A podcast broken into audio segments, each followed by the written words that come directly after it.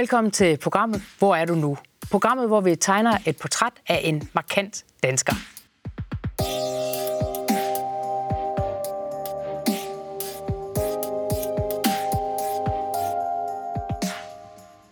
Amin Skov blev landskendt i sommeren 2012, da en konflikt med 3F førte til en blokade af hans restaurant Vejlegården.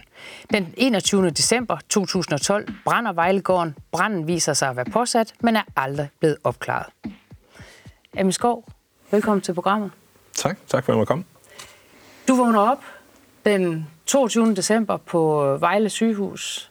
Du har ligget i respirator, du er forbrændt, du er røgforgiftet, kan du huske, hvad de første tanker var, du gjorde der? Øh, egentlig ikke. Det var som om at blive slukket og lige pludselig tændt igen, og, og i mellemtiden er der gået nogle timer jo. Øh, så de første tanker, det er jo selvfølgelig, hvordan er jeg havnet her? Og branden, det er ligesom kulminationen på et, øh, et langt øh, forløb med en blokade af øh, Vejlegården, øh, stor støtte fra, fra mange mennesker, men jo altså også hvad der nu fører med en blokade, en stor modstand. Hvordan var det at, at være Amin Skov i, i hele den proces? Ja, men øh, det, øh, det var det var, det var travlt, så at sige. Altså, dagene var lange, og nætterne kort, så øh, det, var, det var at være på hele tiden, og konstant fra alle sider. Man blev angrebet fra højre og venstre, øh, både på godt og ondt. Så, så det tog en, en, en, en lang tilvændingssag, for at man ligesom kunne opnå og, øh, og nå alle processer. Så det førte øh, ofte ud til arbejde langt ud til natten for at svare mails, sms'er og beskeder. Jeg tror, at den dag i dag er der mere end 50.000 sms'er og, og mails, som jeg aldrig nogensinde har noget at, øh, at reagere på. Kunne du overhovedet finde ro i den periode der? Se tilbage, nej. Men mens man var i det, så var det jo nærmest et, et livsstil på et tidspunkt, øh, levevej, fordi det var bare, hvad hverdagen var øh, opragt, så man adapterer og man tilpasser sig. Men set tilbage, så var det jo hverken sundt eller, øh, eller muligt at følge med, men man havde en illusion med, at man måske nåede lidt mere, end man i virkeligheden gjorde. Så du var jo centrum for, kan man sige, hele Danmark den sommerdag i 2012. Øh, blokadevagterne på den ene side, øh, store støttearrangementer på den anden side. Hvordan var det pludselig, lidt ufrivilligt at, at havne på forsiderne af alle aviser? Det var faktisk ubehageligt på mange måder, fordi at øh, det var jo slet, slet ikke det, jeg havde planlagt for min sommer, eller for mit liv, eller for, øh, for, for det projekt, man nu havde gang i, øh, som var Restaurant Vejlegården, som var en del af, af, af mere, vi havde gang i der. Øh, så, så det var ligesom øh, at, at blive kastet ufrivilligt i en situation, hvor man ikke helt var herover, så jeg gispede for det meste øh, efter kontrol øh, for at holde mig foran eller holde mig ved lige, og det var også derfor, at, øh, at arrangementet fra min side var så stor. Det var også for at kunne have overblik og også øh, øh, at holde den her tone, den sobre tone, i, både i debatten, men sandelig også blandt øh, venner og familie, fordi der var jo en sag, som splittede øh, ved middagsbordet hjemme hos øh, familien også. Så, så, så man havde jo for begge sider for familien, så man lærte hurtigt at, at kunne begå sig på en pæn måde, så man, øh, så man kunne gå på hver side uden at træde over nogens tær. Var du overrasket over, hvordan øh, mediernes ageren var i, i sådan en sag? Øh, ja, fordi det kom jo meget pludseligt, øh, og det kom meget hurtigt. Øh, I starten det var det meget langsomt og meget lang sag at, og trække, og pludselig, øh, kan jeg huske, fra den ene udsendelse til den anden, så var det jo faktisk dagligt øh, biler, der holdt ud foran øh, med sendemaster og Ja, der var en periode, hvor der faktisk var biler hver dag i, jeg tror, en måned, halvanden, øh, hvor det ikke var en tv-avis eller en avis, man kunne åbne, uden Vejlegården var øh, blandt det. Jeg mener også, jeg læste et sted hen, at det var det mest brugte ord i, i en periode i 2012, øh, og Vejle kom på en, en flot øh, rangplads pludseligt over kendte byer i, i Danmark. Så det var, det, var, det var ekstremt. Fik du medietræning? På ingen måder. På ingen måder. Jeg vil ønske, at jeg havde gjort det, øh, fordi det, det kunne måske have taget øh, en del af de fodfejl set i bagspejlet, øh, men jeg fik desværre ingen medietræning. Øh, jeg tror, sagen lå til højre ben for mig, fordi det var virkelig noget, jeg følte for. Øh, og på den måde kunne det godt måske se ud, som om jeg havde fået medietræning, men i virkeligheden var der bare en sag, som jeg virkelig øh, gik ind for, og ikke øh, vil, vil, vil lade mig tvinges til. Øh, så, så på den måde, så, øh, så virker det meget bevidst, men havde det handlet om andet, som jeg ikke brændte for, så, ja, vil det have været et helt andet Amin, man havde set. Ja, for det, det handler om, det er, at øh, du øh, nægter at tegne overenskomst med øh, 3F, og har i stedet for øh, tegnet på arbejdsgiversiden med, med Kristelig Arbejdsgiverforening, hmm. og så øh, KRIFA. Ja. Og så kommer hele den her øh, konflikt. Ja. Øhm, kan du sige noget om, altså, hvordan er det pludselig at, at stå midt i, ikke, ikke mediekonflikten, men midt i en faglig konflikt, som jo er med til, kan man sige, at at skubbe nogle store diskussioner i gang i, øh, i Danmark? Meget surrealistisk, for jeg havde faktisk aldrig forventet, at det skulle være et emne, eller at det kunne blive så stort øh, et emne.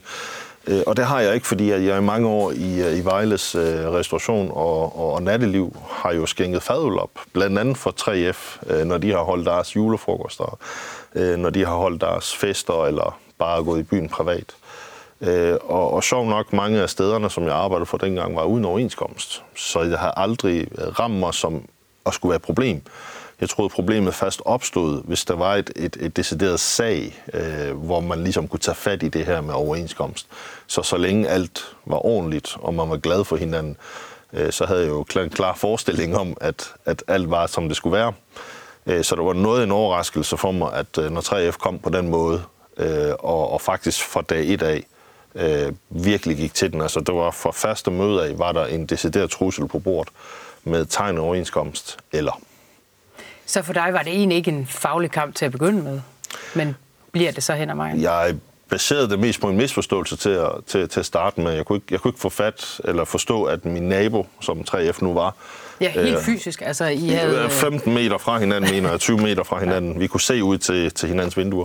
Jeg havde faktisk aldrig troet, at det skulle blive et emne, og jeg havde heller aldrig forestillet mig, øh, at, øh, at, at det skulle være noget. Jeg er et ordentligt menneske og har behandlet min, øh, min personale øh, som, øh, som ja, nærmest partner. Øh, så, så jeg tænkte, at i starten, det her det er en misforståelse. Det er baseret på en misforståelse. Noget er gået galt i kommunikationen. Men øh, indtil det bare gået galt. De havde simpelthen bare et brændende ønske om, at jeg skulle signe en overenskomst, og det skulle være nu. Og der er simpelthen øh, fysisk blokade foran din, øh, din restaurant. Øh, altså, hvordan foregår sådan noget i, i praksis, altså når man skal på arbejde? Jamen, øh, igen, det var også en af de ting, man lige skulle vende sig til, fordi at øh, uanset hvor meget man læser om den danske model eller ser billeder, så, så er det lige pludselig noget andet at selv stå i det. Øh, og den første dag, jamen, det var jo øh, øh, lidt voldsomt forstået på den måde, at øh, de, de, man møder jo talstærkt op. Øh, man stiller sig op, og så blev der taget en huls masse billeder, og så forsvandt halvdelen af blokadevagterne, ligesom når man havde taget billederne. Så det, det, det var... Jeg kan huske, at jeg begyndte at tænke, at det er lidt useriøst det her. Altså, vil man eller vil man ikke? Hvad er det, det, det lige sker? Øh, jeg følte ikke, det var helt hjertet. Øh, og det var det jo ikke, fordi der hverken var nogen sag eller noget at komme efter. Og så også, at man agerer på den måde. Øh, derfra så tog det selvfølgelig langsomt til øh, at blive bygget på. Så, så i starten skulle man lige vende sig til, at det stod flok mennesker øh, på, på parkeringspladsen med, i gule vester og faner, øh, og både prøvet, selvom man ikke må, øh, blokere fysisk øh, for tilgang og, øh, og personale og varelevering. Talte du med dem i det daglige? Altså, kunne man godt sådan lige tale lidt ordentligt sammen, også når kameraerne var slukket? Jeg vil sige, at der nogle af dagene, der havde jeg meget ondt af dem. Det, det var meget koldt. Nu var heldigvis 3F tæt på, så de kunne altid gå derover. Så vi tilbød altid, at der var kaffe, hvis man ønskede, eller øh, man lige kunne komme ind og varme sig, eller bruge toiletterne. Ikke? Hvor lang tid var der altså, fysisk blokade? Jamen, det var det jo i princippet i, øh, i et par måneder. Øh, on and off, øh, og forstået on and off på den måde, at når der så var sager, øh, blandt andet, hvor der var Mette Frederiksen besøgt, øh, ikke ministeren engang, øh, eller statsministeren engang, men øh, besøgte øh, til, til et øh, tale, jamen så ryddede man op, så var det ikke lige øh, blokader og så videre, men ellers til hverdag, så var det simpelthen, til sidst var det simpelthen en schema, øh, fra klokken det til det, og så var der frokostpause, ikke? og så var det fra, fra klokken det til det. Så de, de havde faktisk en, en vagtskema, og de havde faste øh, blokadevagter øh, på, på, på lønningslisten. Øh, så, så det var decideret arbejde, så man kan jo sige, vi var med til at skabe nogle arbejdspladser, trods alt, øh, på den anden side også. Hvordan påvirkede det dig altså privat? Altså, det er jo, man, du gik jo ikke hjem fra arbejde, kan man sige, og så var det glemt. Hvordan, øh, hvordan påvirkede det privatlivet? Jeg vil ærligt sige, at mens det foregik, så kørte adrenalin så meget, øh, og, og der var så mange opgaver, at man sjældent havde øh, det hul eller det pause for sig selv, for ligesom at reflektere og, og, og begynde at reagere på det. Øhm, så, så det kørte bare. Altså, dagene startede jo meget tidligt for at sikre sig, at man kunne få varer, at de ikke blev viftet væk eller blokeret. Så var det jo selvfølgelig så medierne og, øh, og hele personale og drift og, og det daglige. Og om aftenen, så skulle man så nå alle de ting, ja, der var kommet i løbet. du er også familiefar på siden af. Jeg har to børn, ja, øh, som på daværende tidspunkt var 10-8. Øh, så, så det var rigtig svært øh, at, at skulle undgå dem. Øh, I restaurationen er det i forvejen tidspres, øh, så, så det, det ser man typisk ikke sin familie så meget. Blande det med en konflikt og shake det, så bliver det til et, øh, ja, no time, no cure. Øh, der var dage, hvor jeg simpelthen ikke så børnene, fordi jeg kørte inden øh, de stod op, og jeg kom hjem, da de var gået i seng. Øh, og det var desværre mere øh, reglen end undtagelsen i, i den periode. Og hvad så med din kone? Altså, du er jo, du er gift. Øh, så delte de det op? Altså, fordi hun kunne jo heller ikke så godt så tage del i Vejlegården, tænker jeg. Hvis, jeg vil sige, jeg, jeg har været så heldig, at Maria øh, også har støttet det her sag 100 procent og har på den måde øh, været der for familien. Så vi blev nødt til at splitte op for os og, og, og, og varetage selvfølgelig øh, det fælles ansvar, som vi havde som børn.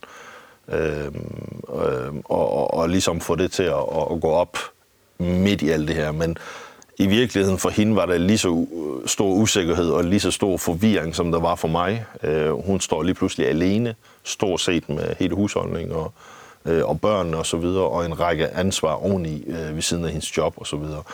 Så, så når mange tænker tilbage, så tænker de kun af min skov, Vejlegården øh, på kæden. Mm. Men der var faktisk også øh, Maria, og der var faktisk også børnene øh, og, og andre tætte familiemedlemmer, som blev berørt af, af hele det her øh, cirkus. Så der var en hel familie bag?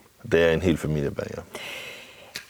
En meget lang historie kort. Øh, det hele kulminerer ligesom, da, da branden øh, opstår, der lige op til jul 2012. Øh, man får genopbygget Vejlegården, men, øh, men det øh, går så øh, konkurs, og du kommer så ud af det. Var det en lettelse at komme, komme væk fra Vejlegården, og ikke, og ikke hele tiden, når man siger, jamen skov, så siger man også Vejlegården? Altså det er jo klart, på et tidspunkt var det jo utrolig øh, kedeligt, at, at navnet Vejlegården blev synonym med min skov og omvendt. Fordi man skal jo også huske, at det var to forskellige ting, øh, og, og ligesom behandle dem som to forskellige øh, ting. Øh, Øh, og det blev det ikke. Og efter branden, øh, hvor jeg blev overfaldt, og, og det blev sat ind til restauranten, øh, jeg vil ikke sige, at der var en lettelse. Selvfølgelig havde man brug for pausen, når man sådan med bagklogskabens øjne kigger tilbage i bagspejlet. Men, men det, det skete i, i virkeligheden, er, at, at man føler, at man pludselig har fået amputeret en del af sig selv, uden at man var klar til det. Så, så det var ikke nemt. Øh, har det været sundt? Absolut. Det, det, det skal jeg ikke lægge skjul på. Det har været sundt for resten af familien. Øh, men det har også medført et, et ufrivilligt øh, brud, som har været svært at, at, at forholde sig til.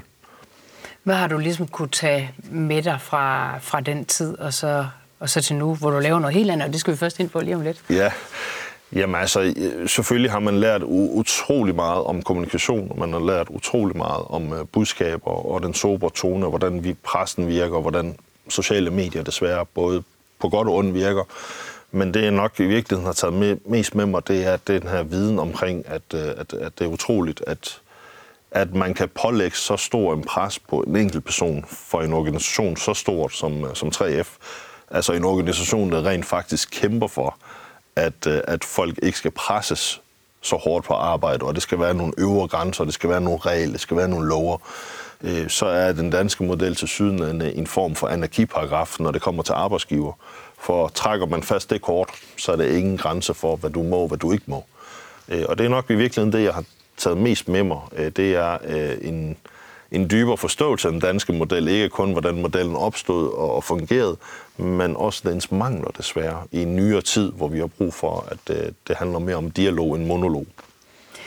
For sådan at forstå, hvordan du endte som restauratør på, på Vejlegården, så skal vi lige have et lille bitte øh, tilbageblik, fordi øh, du kommer til sammen med din familie som ja. syvårig fra Iran. Ja. Øh, hvordan var det at komme til Danmark? Jeg var syv år, så det var jo endnu en rejse, vi var på. Vi rejste meget, da vi var i Iran. Så, så for mig var det jo bare en ferie, vi egentlig aldrig kom hjem fra. Øh, så, så for mig var det jo bare lut og lavkage i den alder øh, og leg. Øh, nu kom vi også øh, en af de øh, hvideste og hårdeste vinter, øh, der var i, i Danmark. Så det at få lov til at lege i sne og stå på skøjter, og, så, så jeg, jeg legede mig øh, bogstaveligt talt igennem en tid. Jeg kan sige, i forhold til min søster, som også var med dengang, så var jeg jo så ung, at jeg måske ikke lige lagde mærke til øh, livets mange udfordringer for mine forældre og øvrige familie. Øh, og vi var jo indlogeret på Winston Churchill, det gamle færge, øh, Englands færge, som holdt til øh, foran posthuset i København dengang.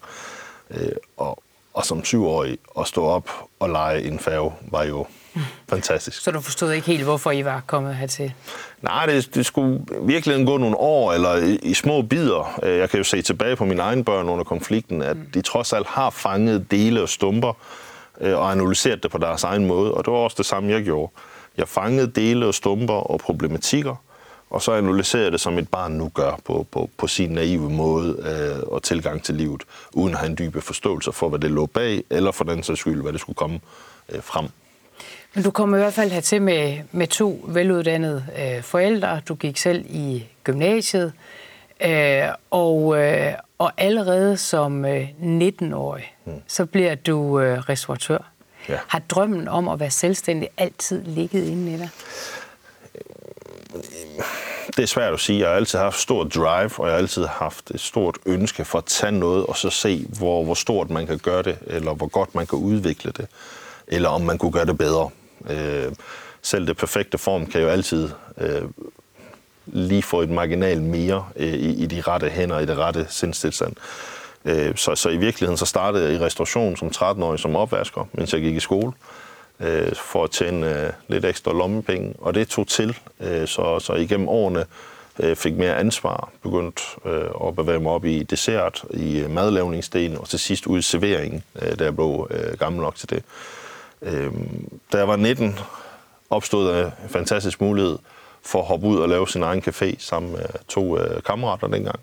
Øh, og det var jo absolut noget, der skulle prøves. Så det var ikke noget, der kunne holde mig fra at, øh, at springe ud i det. Så ja, på en måde, så var det en drøm. Øh, det, det, det var ligesom var blevet kogt på, siden øh, jeg startede som opvasker. Og det drive, det har du så fået brug for, må man sige, efterfølgende. Øh, der er gået knap 10 år siden øh, Vejlegården, og, og at du var, var centrum for, for hele Danmarks opmærksomhed. Hvad søren er der sket siden da? Hvad laver du nu?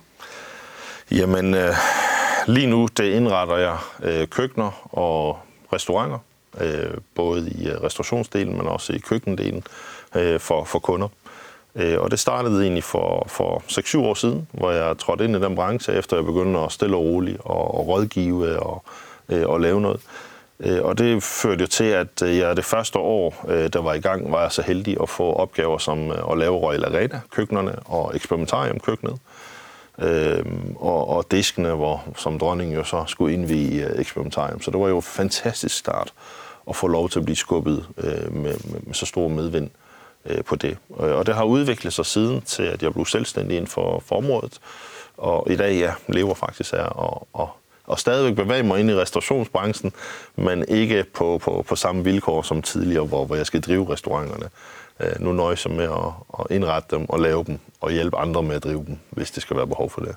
Så er du ikke sluppet restaurationsbranchen. Hvad er det, der, der, der tiltaler dig så meget i den branche? Jeg tror, at branchen for dem, der har været i det, man finder hurtigt ud af, at det ikke er en, et, et sted, hvor du... Øh, det, det er et hotel, hvor du kan tjekke ind, hvor du aldrig kan tjekke ud fra. Det er, det er, det er simpelthen en livsstil. Øh, og det er også det, jeg, jeg, jeg ser nogle gange, når folk kommer fra andre brancher og vil ind i restaurationsbranchen og hopper ud igen med tab og, og, og ar på sjælen. Det er, at det er ikke bare en fuldtidsbranche, det er et livsstil. Det er der, du ser dine børn. Det er der, du kommer til at se dine venner og familie. Det er der, du faktisk er, når alle andre har fri. Og det er helligdage, fordi det er der, du så har allermest travlt. Så det er, det er en form for livsstil, men jeg tror, det, det, det tiltaler med restaurationsbranchen, det er den her dynamik øh, og, og kærlighed, der er. Øh, både ikke alene til, til selve produktet og madlavning, Men igen, hele den her oplevelse på at, at give andre en oplevelse, de går glade derfra. Øh, mad er jo nok noget, det ligger fundamentalt som noget af det vigtigste i et hver menneskes behov. Øh, og, og, og kunne udfylde det for andre, og samtidig med at være kreativ, og måske tjene penge på det. Øh, det er jo en fantastisk øh, kombination. Og så synes jeg jo også, at folk i restaurationsbranchen i virkeligheden er nogle, nogle, nogle, nogle drømmer, nogle øh, frontløbere på mange områder. Ikke? Vi ved alle sammen, at det er en hård branche. Vi ved alle sammen, at det er stor sandsynlighed for, øh, for fiasko. Men man løber stadigvæk løbet, fordi at det lægger noget større bag i at skabe, i at lave og i at kreere. om så det er fra opskrift til mad til en illusion. Det kan være det hele. Er du risikovillig? Jeg vil sige med årene mindre og mindre, men uh, selvfølgelig uh, skal man være risikovillig, uh, hvis man skal være selvstændig. Uh, det er uanset hvilken branche du er i. Uh, men især i restaurationsbranchen skal du nok i virkeligheden være en lille smule mere risikovillig end i måske mange andre brancher. Men generelt i Danmark som selvstændig, så kommer du ingen veje, hvis du ikke risikerer. Kunne du godt tænke dig at starte din egen restaurant igen? Jeg vil da lyve, hvis jeg siger nej, øh, fordi det, det, det kommer jo øh, en gang imellem øh, op i en. Øh, det er jo fuldstændig ligesom at kunne tænke sig at få en baby igen, øh, et lille barn igen. Men øh, det er nu også rart, når tingene er voksne, og man, man, kan, øh, man kan få fra dem. Så, så ja, på et tidspunkt så kunne det godt være, at man på en måde hoppede ind i det. Men det er jo på nogle helt andre præmisser, med en helt anden viden og en helt anden øh, ro. Øh, kontra dengang.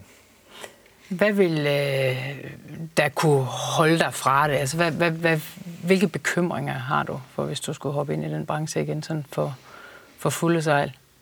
Jeg vil sige nu, efter Vejlegården, så var der nogle år, hvor, hvor det ligesom var familien og børnene, der var, øh, der var i fokus. Øh, al den tid, som det ligesom blev taget fra dem, skulle jo genvindes, og al den tillid skulle genvindes. Øh, ens egen forventninger og, og, og billede som far skulle jo ligesom oprettes igen. Øh, der var jo perioder, hvor jeg følte mig som verdens dårligste far. Øh, det var ikke tid til at lappe en simpel øh, cykeldæk, som man havde lovet, og pludselig så er det gået seks måneder eller et år. Altså bare små, basale ting, som man først finder ud af bagefter.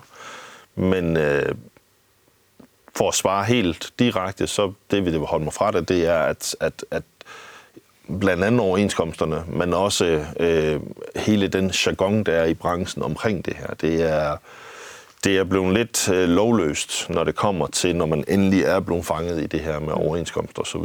Øh, men, men, men jeg trænger, vi trænger til noget fornyelse der, så det kan være en lidt bedre øh, sikkerhedsnet. Øh. Tror du stadigvæk, at dit navn øh, vil være for klippet op på, på den faglige kamp, hvis du... Øh hvis du igen åbnede en restaurant? Jeg tror, det er blevet synonym med det, ja. Så jeg tænker da ikke, at der er nogen medier, der vil lade sig gå øh, øh, forbi med, at øh, tidligere Vejlegårdens ejer øh, bliver man pludselig ikke, i, i stedet for bare den ja, kedelige og almindelige aminskorp, som jeg nu i virkeligheden er, øh, når, øh, når det ikke er nogen, der prøver at presse mig til noget, øh, har åbnet en ny restaurant. Så ja, jeg tror, vi er blevet lidt synonym med det. Øh, Vejlegårdssagen er jo i rigtig mange tekstbøger i dag, øh, er i rigtig mange cases. Jeg har hjulpet både fra skoleelever til advokatstuderende osv. med interview, som har skrevet opgaver omkring Vejlegården. Jeg ved, det er med nogle pensummer i nogle skoler. Så, så helt ud af det kan man jo ikke komme. Men jeg håber da, at øh, hvis jeg skal gøre det, at, at fokuset vil være på mig og, og bare mig. Øh, og ikke Vejlegården og konflikt osv. Fordi det var simpelthen et biprodukt øh, i et langt liv efterhånden i, i, i en kort procentdel af det. Amin Skov, du, øh, du sagde, at øh, du var bare den kedelige Amin Skov. Jeg har i hvert fald ikke kedet mig i, øh, i dit selskab, og vi skal til at runde af, og det tror jeg bestemt heller ikke, at, at seerne har. Så tusind tak for, at du ville komme herind og, og fortælle om, hvordan det var ret ufrivilligt at havne midt i en kæmpe mediestorm i 2012. Og tusind tak for, at du vil fortælle om, hvor du er nu. Tak for, at jeg måtte komme. Og tak til jer, der så med. Næste uge der er vi tilbage med endnu en uh, markant dansker, som uh, på et tidspunkt var her og der og alle vegne på, på forsiderne, og som er kommet videre i sit liv. Tak for i dag.